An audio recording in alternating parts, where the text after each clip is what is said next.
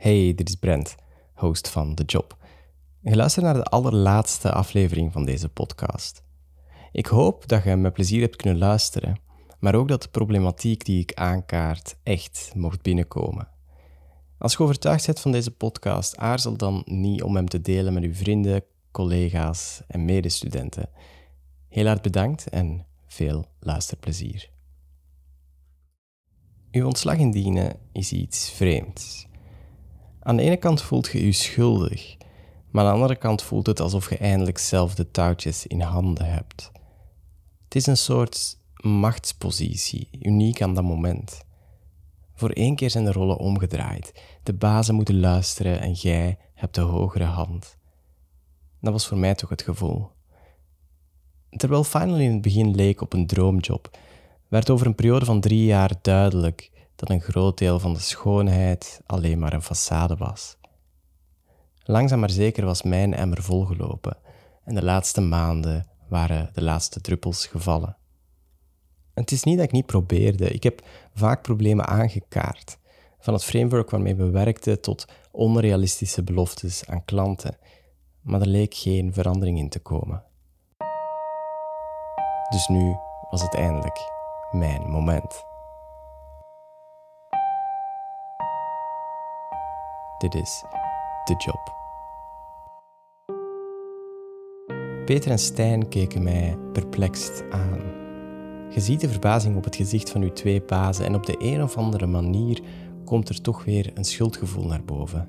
Misschien moet ik mij nog meer inzetten. Misschien heb ik niet hard genoeg geprobeerd. Maar dan dacht ik weer aan Veerle die weende op de gang, Eefje die abrupt ontslagen was, mijn eigen angst en stress die wekenlang aansleepte door die ene fout en uren en dagen die we kwijt waren door stomme bugs in ons eigen framework. En dat al drie jaar lang.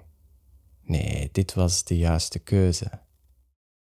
Peter was de eerste die sprak, met een vleug van optimisme zoals bij een verkoper past. Spijtig, Brent, maar ja, dat is hoe het gaat in onze sector, hè. We gaan u missen. Stijn zat duidelijk nog niet in die acceptatiefase. Hij bleef grotendeels stil tijdens ons gesprek, behalve dan die ene vraag: waarom? Dat is natuurlijk een vraag waar ik mij aan verwacht had. Eh, ik had me erop voorbereid. Uiteraard overweegt je hoeveel je vertelt op dat moment. Leg je alles op tafel? Eh, laat je emoties meespelen? Of houd je het bij een paar droge feiten? Misschien is het dan niet het hele verhaal, maar heb je wel de mentale energie om tot op het bot te gaan? Ik niet. Ik wilde er gewoon vanaf zijn, een hoofdstuk afsluiten. Dus ik hield het vooral bij het framework. Ik had een bedrijf gevonden dat met een wereldwijd bekend framework werkte en meende dat het voor mijn toekomst beter was om mijn kennis te investeren in iets dat een grotere marktwaarde had dan het framework van Final. Maar we zijn ons daar wel bewust van en werken eraan om van framework te veranderen, zei Peter. En dat klopte ook. Final had het voorbije jaar inderdaad ingezien dat het beter was te investeren in iets wat een groter draagvlak had dan enkel zijzelf. Maar een jaar later was daar nog niks van in huis gekomen. Misschien hadden ze wel de goede intentie, maar als ik kon kiezen tussen zekerheid vandaag of een misschien in de toekomst, ja, dan wist ik het wel. Goed, zei Peter. Spijtig, maar alle begrip. Eh, we zullen na het weekend de nodige administratie regelen. Met Hilde. Het was een vrijdag dat ik dit gesprek had. En bewust ook, want dan kon ik een weekend even bekomen. Dat is goed, zei ik. Ik stond recht en zei sorry. Al weet ik niet goed waarom. Achteraf bekeken vind ik niet dat ik sorry had moeten zeggen. Maar goed. Ik wandelde die avond weer met Nathan naar het station. Ondanks dat Peter had gevraagd om nog even niks te zeggen over mijn beslissingen aan de collega's, wilde ik toch al met Nathan hierover praten. En voor mij was Nathan niet alleen een collega, maar ook een vriend. En het is ook niet dat hij uit de lucht kwam vallen, want Nathan en ik hadden het al vaker gehad over van werk veranderen. Een paar weken eerder wist hij zelf dat ik een sollicitatiegesprek had. Ik heb het gezegd vandaag. Ah, dat was dat gesprek vanochtend, zei Nathan. Hij knikte glimlachte en zei: Ja, we weten dat dat allemaal de juiste keuze is. Hè? Ik ga je wel missen. We houden sowieso contact, zei ik. Wat was hun reactie? was Nathan benieuwd naar. Ik probeerde zo goed mogelijk het gevoel te beschrijven dat ik had tijdens ons gesprek. Het dubbele gevoel dat ik nooit eerder had ervaren. Toen ik vertelde over Peters reactie, draaide Nathan zichtbaar met zijn ogen. Typisch, zei hij. Ongelooflijk dat hij zelf op dat moment zo kortzichtig is. Stijns reactie kon ik zelf ook nog niet goed plaatsen, maar ik ging er vanavond ook niet meer over piekeren.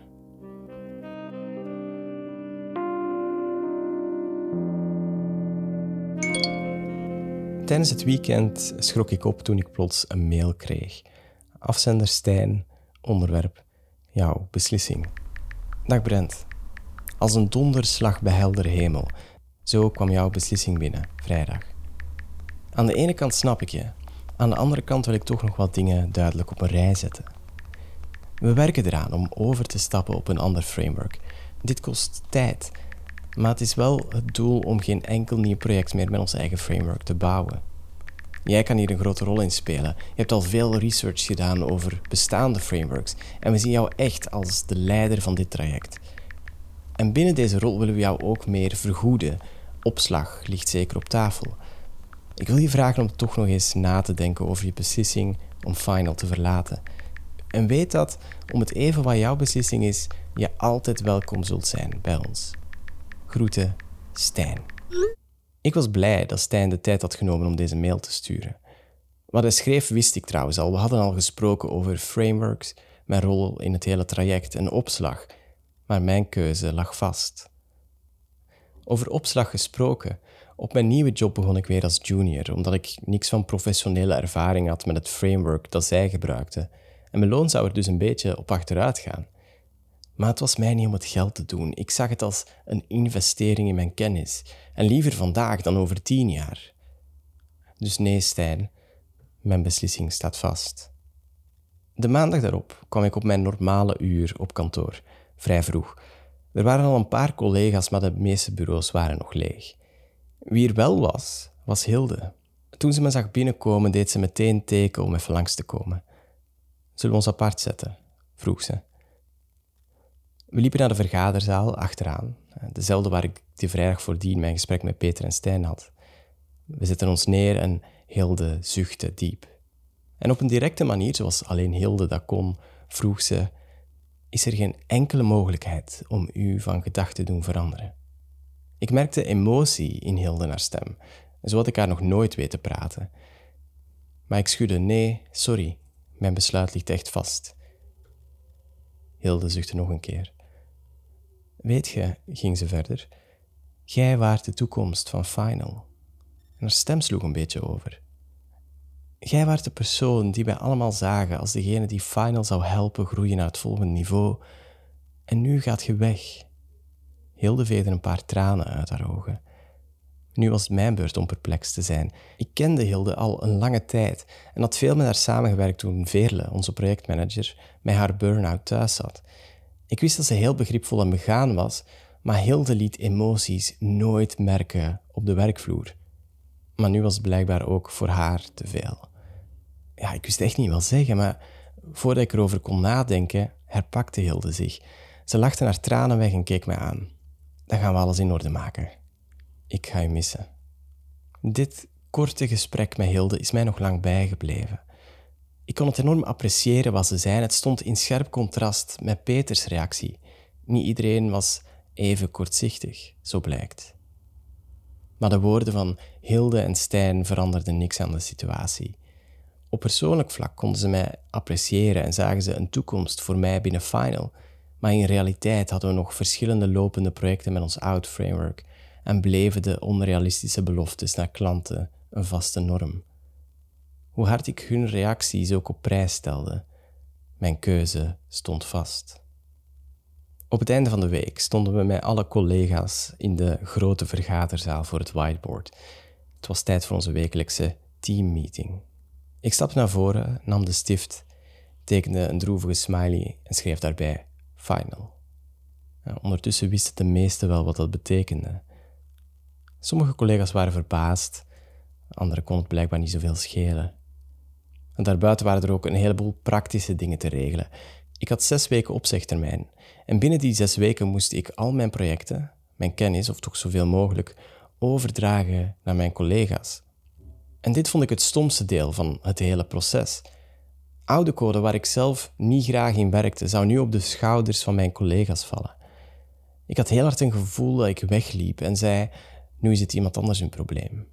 En dat was geen fijn gevoel. Ik heb dus ook vaak sorry gezegd dat ik hun hiermee opzadelde. Maar steeds hield ik de feiten voor ogen. Dit was de juiste keuze. Mijn laatste dag was niet super bijzonder. Ehm, een paar collega's hadden mijn bureau versierd als afscheid, dat was wel leuk. En daarbuiten was het gewoon een saaie dag waarin ik mijn laptop leegmaakte, voor de laatste keer lunchte met de collega's die die dag op kantoor waren, mijn bureaukast opruimde om nog wat rommel mee naar huis te nemen. En ja, dat was het dan. Rond vier uur in de namiddag stond ik voor de laatste keer op van mijn bureau. Ik deed mijn jas aan, zwaaide nog eens naar mijn collega's en liep ik naar de deur. Nathan zou nog een laatste keer meewandelen naar het station, dus van hem nam ik pas een half uurtje later afscheid. We trokken de deur achter ons dicht en wandelden onze bekende route. Meer dan drie jaar lang. Elke werkdag had ik deze weg gewandeld. Ik was blij dat Nathan er nog even bij was. Op het perron zuchtte ik. Het was een goede tijd. We spreken nog af, hè. Veel meer zeiden we niet. Ik stapte de trein op, ik zwaaide nog een keer naar Nathan. En dat was het dan.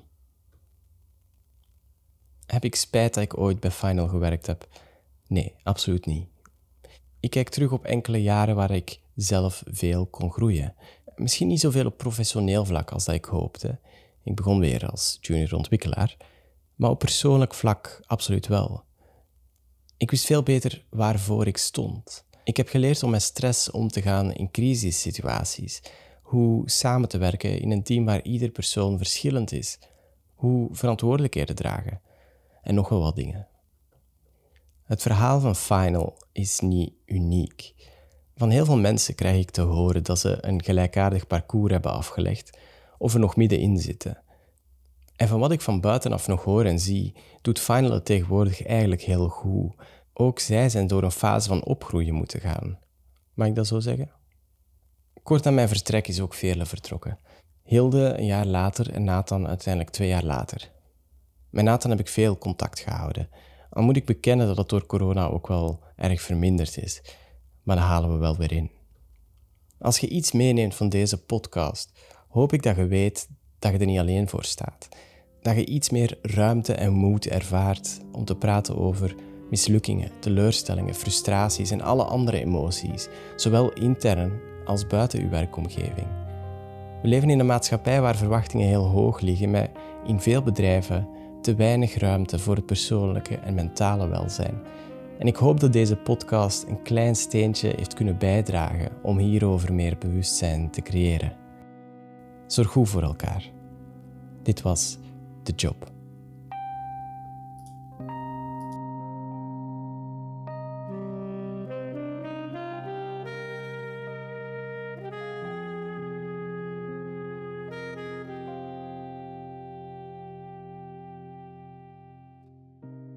De Job wordt geproduced en gehost door mij, Brent Rozen.